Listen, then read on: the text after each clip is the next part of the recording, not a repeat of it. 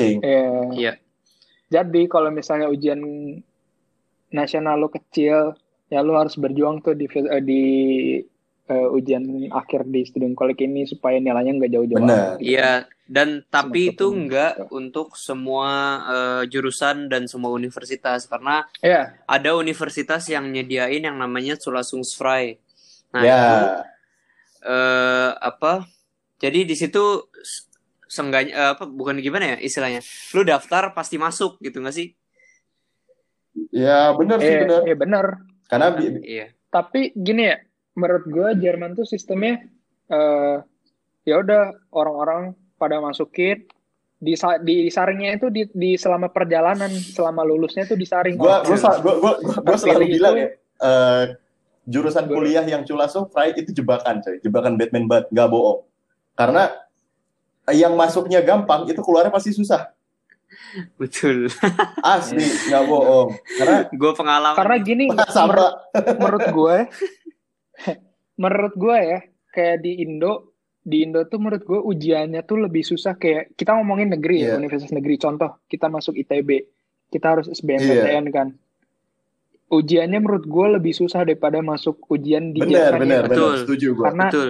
karena Indo tuh, karena Indo tuh menurut gue dia nyeleksi ya udah yang mau masuk kuliah di awal diseleksi awal eh, pas mau masuk kuliah yang orang-orang yang terpilih gitu. Kalau di Jerman tuh ya udah lu masuk tapi yang diseleksi diseleksi ini selama perjalanan dan yang lulus diseleksinya tuh Menurut gua, Iya. menurut gua kalau gua kayak- ngelihatnya dari perspektifnya gini, di Jerman itu ngebuka kesempatan semua orang itu bisa kuliah, Benar. tapi nggak Iya, semua benar. orang bisa menyelesaikan kuliahnya. Seenggaknya nyobain Nah, kuliah. Iya, seenggaknya nyobain kuliah gitu. Nyobain Iya kuliah. benar itu yang gue maksud. Nah, kalau misalnya di Indo, gitu. itu yang ibaratnya kan tujuannya pendidikan itu untuk mencerdaskan kan. Mm-mm. Nah, tapi yang dipilih yang udah cerdas-cerdas. Nah, Nah, sih, benar sih. permasalahannya terkadang itu eh, apa tuh yang dipilih itu seben eh, cerdas pada awalnya doang, tapi dia nggak punya nggak punya niat gitu. Nah, iya.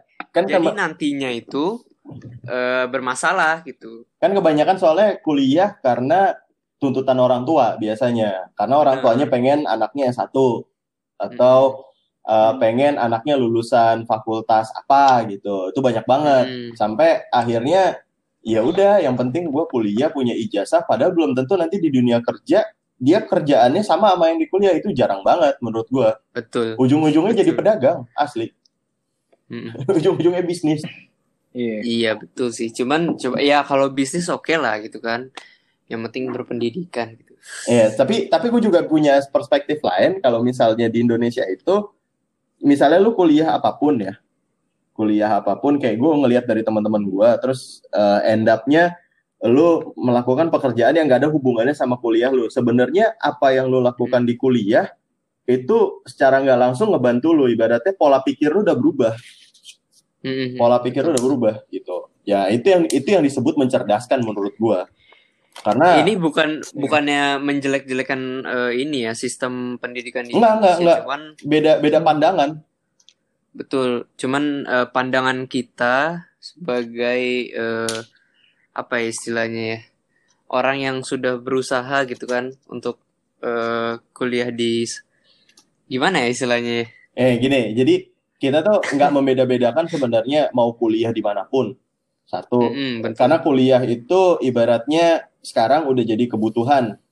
Kebutuhan dalam Mm-mm. arti lu punya kebutuhan jasmani, rohani yang sekarang itu kebutuhan untuk pikiran lu lebih berkembang. Karena zaman Betul. sendiri udah makin berkembang kan. Iya. Nah, Iya. kuliah sebenarnya bisa Ilmu di mana pun. pengetahuan udah berkembang. Iya, tergantung interest lu ada di mana Hmm. Mm-mm. gitu. Dan eh, ketika udah apa? Ketika seorang tuh udah memutuskan keputusan itu, itu harus dijalani sebaiknya. Iya.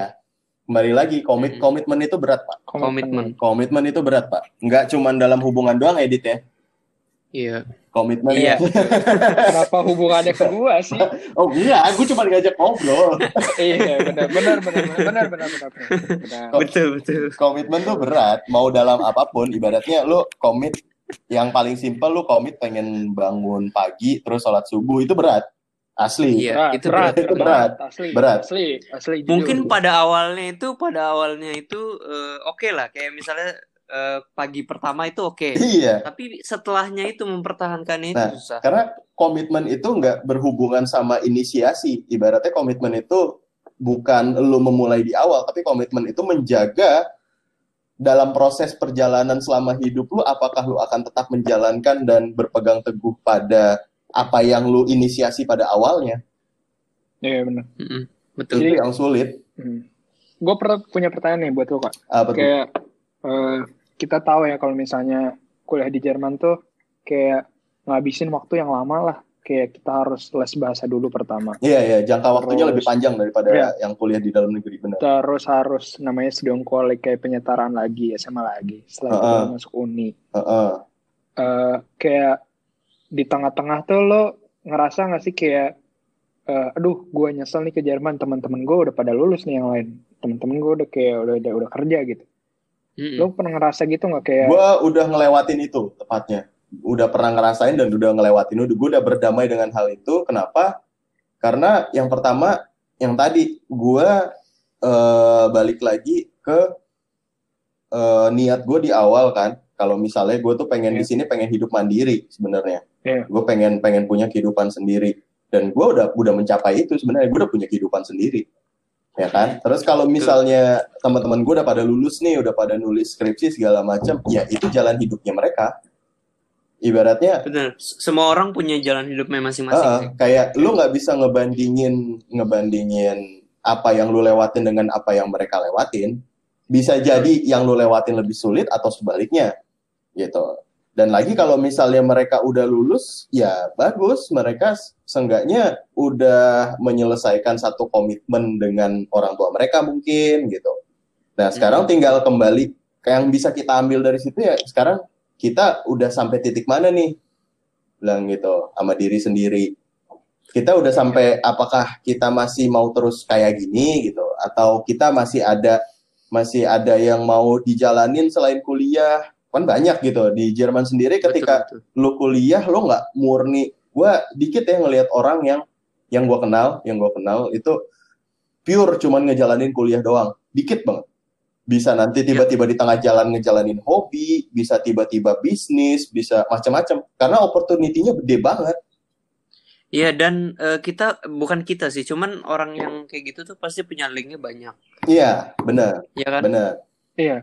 Dan itu Gua- sangat itu penting-penting banget sih. iya. Jujur gua. gue gue lagi di- ada di masa yang kayak gini nih sekarang. Kayak aduh gue ngeliat temen-temen gue yang lain udah pada mau nulis skripsi segala macem. Bahkan ada ada yang sidang malah udah ada yang lulus kayak gue gimana ya?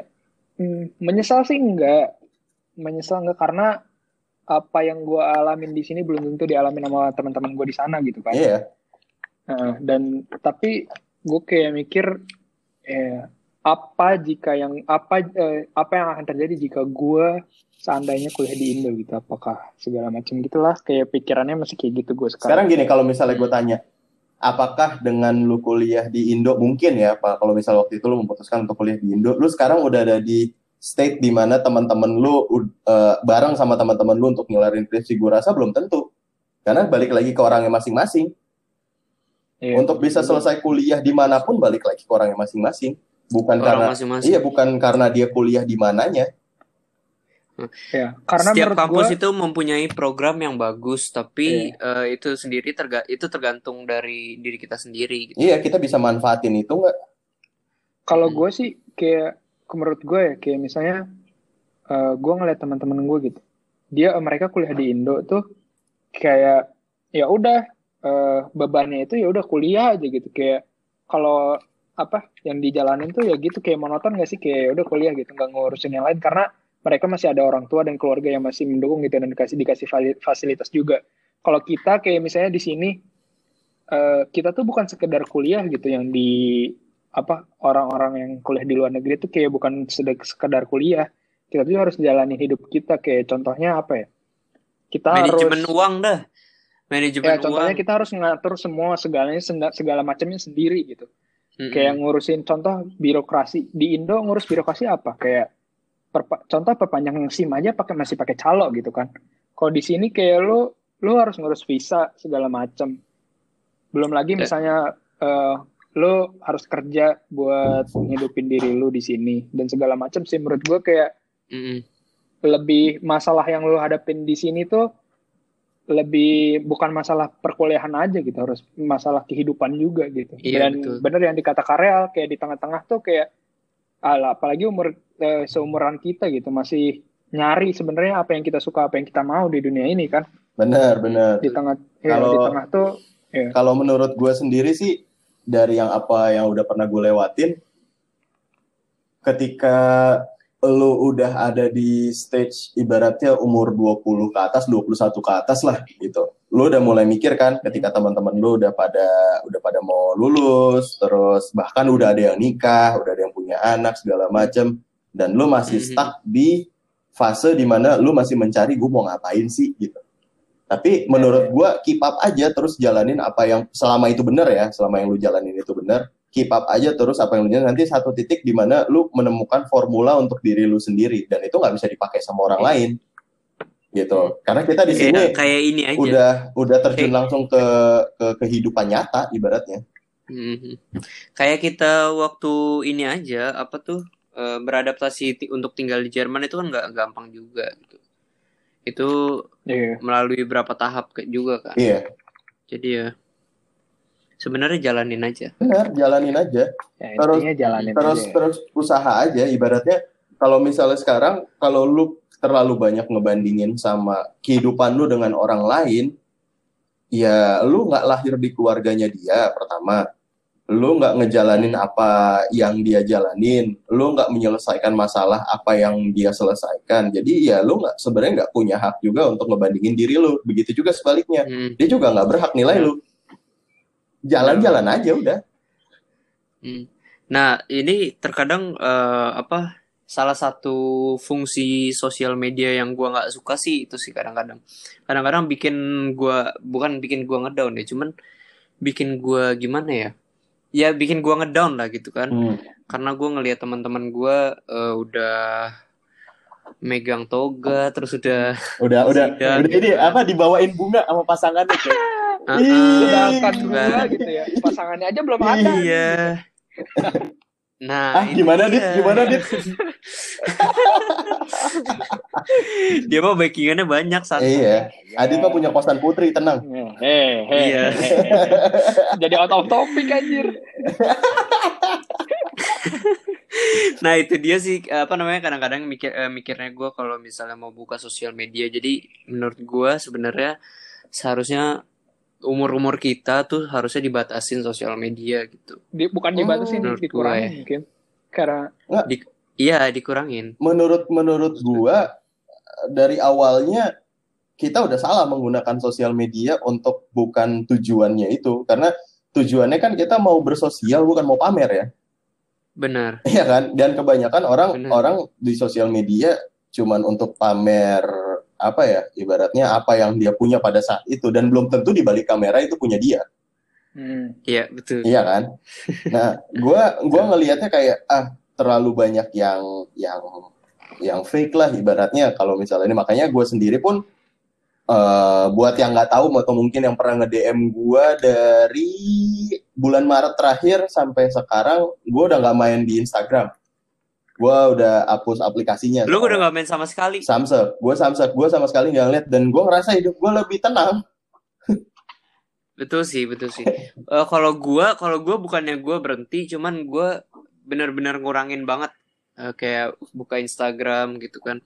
Dan gua lebih suka gua gua nggak tahu kenapa gua sekarang lebih suka buka Twitter karena menurut gua Twitter tuh lebih banyak informasinya daripada dan Instagram gosip Jujur, juga keluarnya lebih jadi cepat kayak- lewat Twitter kan Ran benar Dan, dan ya walaupun walaupun gua nggak suka nggak suka baca-baca itu cuman kayak lebih banyak apa ya lebih banyak yang bermanfaat gitu kalau di Twitter gue gue juga gue juga main Twitter maksudnya gue udah off Instagram terus gue main Twitter dan di Twitter itu gue juga follow-nya hal-hal yang yang emang menurut gue bisa ngebangun gue karena gue tujuan dari Iya. awal itu mau main sosial media adalah untuk mencari informasi sebanyak-banyaknya kan tentang apa yang gue suka benar benar ibaratnya gue Hmm. emang suka tentang dunia yang berbau apa sci-fi atau uh, teknologi terbaru ya gue follow-nya kayak Hmm. model Elon Musk gitu Hmm, hmm.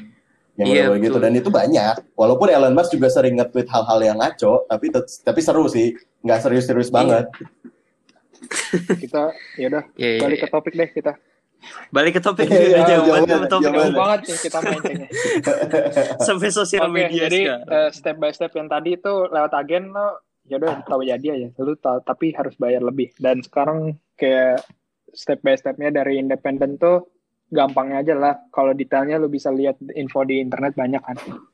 Mm-mm. Eh, independennya eh, step independen tuh pertama lu harus eh, les bahasa Jerman. Les bahasa Jerman sebenarnya bisa di mana aja kan Ren ya? Tapi Bisa di mana aja sebenarnya. Cuman eh, ujiannya memang harus di Gute. Institute. Institute Hmm. ya. Dan Karena satu-satunya yang eh, diakui di Jerman. minimal itu kalau nggak salah B1 dulu dulu B1 buat masuk student college buat Tapi bisa sekarang tes. sekarang menurut gue nih kayaknya B2 Iya. sekarang udah B2 yang terakhir gua tahu Sekarang udah B2 Hmm. nih. jadi dulu tuh Lebih Iya. aman sih, lebih ya aman. ya pokoknya tuh ya harus B2 biar lu bisa ikut tes yang tadi dijelasin of nama Profung tes masuk student college gitu Betul. B2. Tapi tapi ya, tapi gue lebih mer- merekomendasi B1 sampai eh, di Indonesia sampai B1 terus lanjutnya B2 di Jerman. Karena- menurut gue sih lebih karena lebih, cepat nggak sih efektif Lebih gitu. cepat. Lebih cepat menurut gue Nah, sih. dan sama di, di apa disupport sama lingkungan karena lu harus terpaksa ngomong bahasa Jerman gitu di sini Iya, betul. dan satu lagi kalau misalnya lu udah ke Jerman gue bukan ngelarang sih tapi kalau bisa lu lebih banyak untuk mencari teman-teman yang menggunakan bahasa Jerman Iya betul Hmm, Soalnya kalau misalnya lu terus-terusan gunain ibaratnya gini pas kemarin eh, lockdown di Jerman, kebanyakan ngomong bahasa Indonesia dong, jelas hmm, iya kan? Betul. Iya kan? Nah, Iya. ketika gua udah mulai masuk kerja lagi, gua harus ngomong bahasa Jerman. Wah, itu gua mikirnya setengah mati, Pak. Asli. adaptasi dulu adaptasi, Adaptasi lagi. Sih. Makanya kalau misalnya tiap lagi, hari lu daily basis, yang gampangnya lu sering ngedenger bahasa Jerman deh. Kayak misalnya gue sekarang denger DW terus tiap hari, Hmm. mereka ada berita baru apa, Deutsche Welle itu. Deutsche Welle ya, Deutsche Welle. di Cewele ya. Deutsche Welle, Deutsche Deutsche Welle. Welle ya. Deutsche Welle. Nah, ya itu DW terus kalau enggak eh, ProSieben juga ada gitu. Lu tahu berita-berita di sini Hmm. tuh apa aja dan kalau enggak Bukan masa- pod- podcast juga bisa tuh podcast juga banyak. Podcast banyak podcast Jerman yang ibaratnya bahasanya nggak terlalu Umgangssprache banyak. Nggak terlalu ya Heeh, heeh, benar. Umgangssprache tuh bahasa slang ya buat teman-teman yang mungkin nggak tahu Iya. bahasa sehari-hari. Tapi kalau gue sih lebih suka eh, ngobrol sama teman sih. Ya, Gue lebih suka ngobrol sama teman. Jadi entah gimana Discord kah atau apa gitu kan, Eh, video atau call aja gitu. Terus ngobrol aja Iya. kayak biasa. oke jadi setelah Atau baca ya, gitu. setelah lu les bahasa Jerman lu mulai ngu selama selama les itu lu bisa nyicil buat ngurus kayak lu pertama harus translate dokumen segala macem jadi ke bahasa Hmm. Jerman segala macem ya habis itu Bener. Habis itu apalagi sih habis itu habis itu oh ya Nah, translate ini translate ini tunggu, translate ini nggak bisa nggak bisa pakai Google Google Translate ya. Iya. Iya, jadi Jadi kalau untuk fase-fase pas lagi persiapan ke Jerman, jangan pernah Iya. percaya sama Google Translate. Google Translate Sesat. bener. Eh, Eh, parah. soalnya soalnya gue awalnya mikirnya gitu. Sumpah. jadi tuh Gue awalnya mikirnya gitu. lu harus translate dokumen lu seperti ya kayak ijazah eh, raport Mm-mm. segala macam ke penerjemah SKUN terpercaya. gitu. ada Iya, itu tuh listnya ada kok di- translator-translator. Iya, ada di ini ya di Hmm. di websitenya ini kedutaan Di website kedutaan kedutaan ada. Jerman lu bisa cek langsung Cuman emang ada beberapa yang cuman ada beberapa emang yang Iya. enggak yang udah enggak nggak ada Hmm. gitu. Soalnya gue pernah waktu itu nelpon eh, salah satu translator di situ, gue lupa namanya siapa. Terus ternyata dia udah udah meninggal cuy. Anjir serem banget. karena ini loh, Sumpah. karena translator translator itu menurut gue emang udah pada tua gitu loh translator Iya. itu udah Iya, tua. emang udah pada tua dan ah, udah sekarang udah mulai jarang sih kayaknya. Ya nggak tahu deh udah gua. mulai jarang. nah setelah Ya. Eh. gimana Paling paling gampang menurut gua kalau misalnya lu nyari translator ya datang ke Guta aja tanya. Infonya pasti Iya, banyak. Datang ke Gute sih bisa. Infonya dan pasti by banyak. the way juga Itu ya, lebih aman. bisa datang ke buat nanya informasi kuliah ke Jerman lu bisa datang ke Gute atau ke ini apa namanya Apa? Apa? Eh, astaga, lupa. Pasti nggak ingat kalau lupa. Iya benar. Apa sih yang lembaga juga loh, lembaga yang bisa nanya-nanya tentang Apa? kuliah ke Jerman. Oh, DAD. DAD. Nah, DAD. Iya benar. DAD, DAD. benar. Eh, jadi ya Nah, itu itu juga Kayak SGU, Salah eh, kayak satu SGU bisa nggak sih Swiss German University itu yang ada di BSD? itu mah lu nggak tahu nanyain sih, kuliah tapi bisa dicoba di sih. mereka itu mah. Ah. Jadi tuh kalau eh, jadi Oh. kalau jadi bahasa SGU nih gimana? ya udah udah, ntar aja. Iya. Jadi STM-nya Lanjut aja, lanjut. selama selama lu les bahasa Jerman bisa translate tadi yang lu dijelasin terus oh ya lu harus ngurus deposit sebelum berangkat ke Jerman jadi deposit ini yang dilihat setiap beberapa tahun menambah terus kalau sekarang kalau nggak Iya. salah dep- Nggak, eh, jadi tuh deposit ini tuh harus sekarang berapa sih sepuluh ribu lebih gitu ya 10.800 apa 10.500 Iya, sih? dan ini Hmm. tuh tapi tapi dit sebenarnya kalau udah di sana itu tergantung ABH. yang enggak ini Benar. jelasin yang dari ini dulu yang mau berangkat Kalau mau berangkat Ah. iya lo harus punya 10.000. harus punya sepuluh ribu itu dan itu tuh buat Sepuluh ribu euro sepuluh ya. ribu euro dan itu tuh buat eh, membiayain hidup lu selama di Jerman selama setahun gitu lo harus punya proof itu Eh, Iya. mungkin Betul. lengkapnya bisa dilihat sih di website PPI apa PPI juga banyak kan udah di internet juga banyak lah itu Heeh. Ya pokoknya istilah eh, apa intinya itu eh, punya uang sepuluh ribu euro terus didepositin eh, di gitu. blok di satu account. Iya. Iya, dan Iya di itu- di account yang udah terblokir terblokir nggak sih? Iya, itu bisa- diblokir bisa awalnya diblokir. pas lo nyampe Jerman, lo bisa cairin itu dan itu Hmm. ditransfer Lo bisa per cairin. bulan. Mm-mm. Setelah Iya, itu dokumen udah lengkap segala macam, bikin janji di kedutaan Jerman di Jakarta. Kedutaan. Lo bikin Mm-mm. nunggu visa, nunggu visanya ini. Nah ini biasanya biasanya eh, bikin janji itu nggak bisa mendadak loh. Iya, lo kalau misalnya Iya. bikin bisa dapat seminggu, paling cepat seminggu sih. Iya benar. Iya paling dapat seming eh, paling cepat seminggu. Tapi waktu itu ya waktu apa waktu pas gua bikin term bikin janji Heeh. itu itu tiga bulan Nah. coy. Eh tiga bulan apa sebulan gitu. Pokoknya bulan lah pokoknya. Pasti. Gue jadi gue jadi gue bikin termin untuk sekarang nih tapi untuk eh dua eh untuk sebulan ke depan gitu istilahnya gitu. Iya. Gitu jadi ya harus cepet-cepetan sih. Iya, lo harus benar-benar kalau misalnya emang mau ke Jerman, jalur independen lo harus benar-benar prepare dari semuanya. Step by step yang tadi Adit jelasin tuh, kalau menurut gua Step by step. eh, jangan juga lupa kalau misalnya uang 10.000 itu mungkin pas awal-awal belum bisa langsung dicairin. Jadi lu Betul. juga harus siap bawa uang ekstra lah ibaratnya untuk selama Betul. lu hidup di sini. Betul, betul. Dua dua bulan lah dua bulan Iya, awal dua bulan awal. biasanya Hmm, agak sulit. Agak sulit. Soalnya masalah sama bank. Birokrasinya tuh masih Birokrasi. panjang. Iya. Dan kita bakal bahas birokrasi ini di segmen selanjutnya. Eh, setelah itu ya udah lo udah bikin janji datang ke janjinya bikin visa nunggu visa keluar berangkat ke Jerman Terus, eh, kayak gitu terus Mm-mm. ya lo lengkapnya bisa dilihat nggak sih di sekarang banyak kan di Banyak Udah sih banyak, udah banyak. tuh banyak. nyari aja Banyak, Banyak. banyak. Lagi juga banyak yang Di. YouTube juga udah banyak vlogger yang bikin gimana caranya segala Iya. macam. Mm-mm. Bahkan ada ada yang dibikin buku loh. iya ada buku Serius? Gua Sumpah, beli gua bukunya. juga beli- gua- gua- gua beli Sumpah. bukunya juga waktu Gue beli bukunya coy. Siapa Warnanya coklat. siapa yang nulis anjir? siapa ya Nathanael Gua siapa siapa yang gitu gue lupa deh Oke. Iya itulah pokoknya sama pokoknya buku gue sama Adit tuh. Eh, Oke, Anjir. Boleh juga. eh, kita tuh tadi Iya. tadi tuh udah mem- eh, membahas sedikit tentang sistem kuliah di Jerman. Nih, kita bahas lebih la- lanjut Betul. lagi tuh. Lo tau gak sih kak gimana sistem perbedaannya sistem di Jerman sama di Indo gitu? Sistemnya gimana? Lebih tepatnya jangan dibedain sih, sih. cuman eh, Gimana gimana ya? Dijelasin Ya, aja, dijelasin dijelasin. aja mungkin sistem kuliah Gimana di, sih sistem di Jerman gitu. Jerman. Kalau kuliah di Indo, gua nggak begitu tahu karena gua nggak pernah Hmm. kuliah di Indo. Iya. Tapi kalau kuliah di. Jerman, karena gue sedang menjalani, ya gue bisa jelasin sedikit banyak kuliah di Jerman itu sebenarnya ibaratnya kalau misalnya lu kuliah, terutama nggak ada sistem absennya, orang-orang pada mikir kayak, wah gue bisa cabut-cabutan nih segala macam dan Tapi tidak semudah Iya, itu. tidak semudah itu. Karena karena orang-orang yang yang teman-teman Jerman gue sendiri yang pada cabut-cabutan mereka udah prepare sebenarnya. Kalau misalnya mereka mau cabut mereka udah ngerti materinya. Sementara kita yang yang Atau enggak. yang orang luar nih yang Auslander nih. Belaga untuk cabut-cabutan padahal nggak ngerti apa-apa. Itu yang salah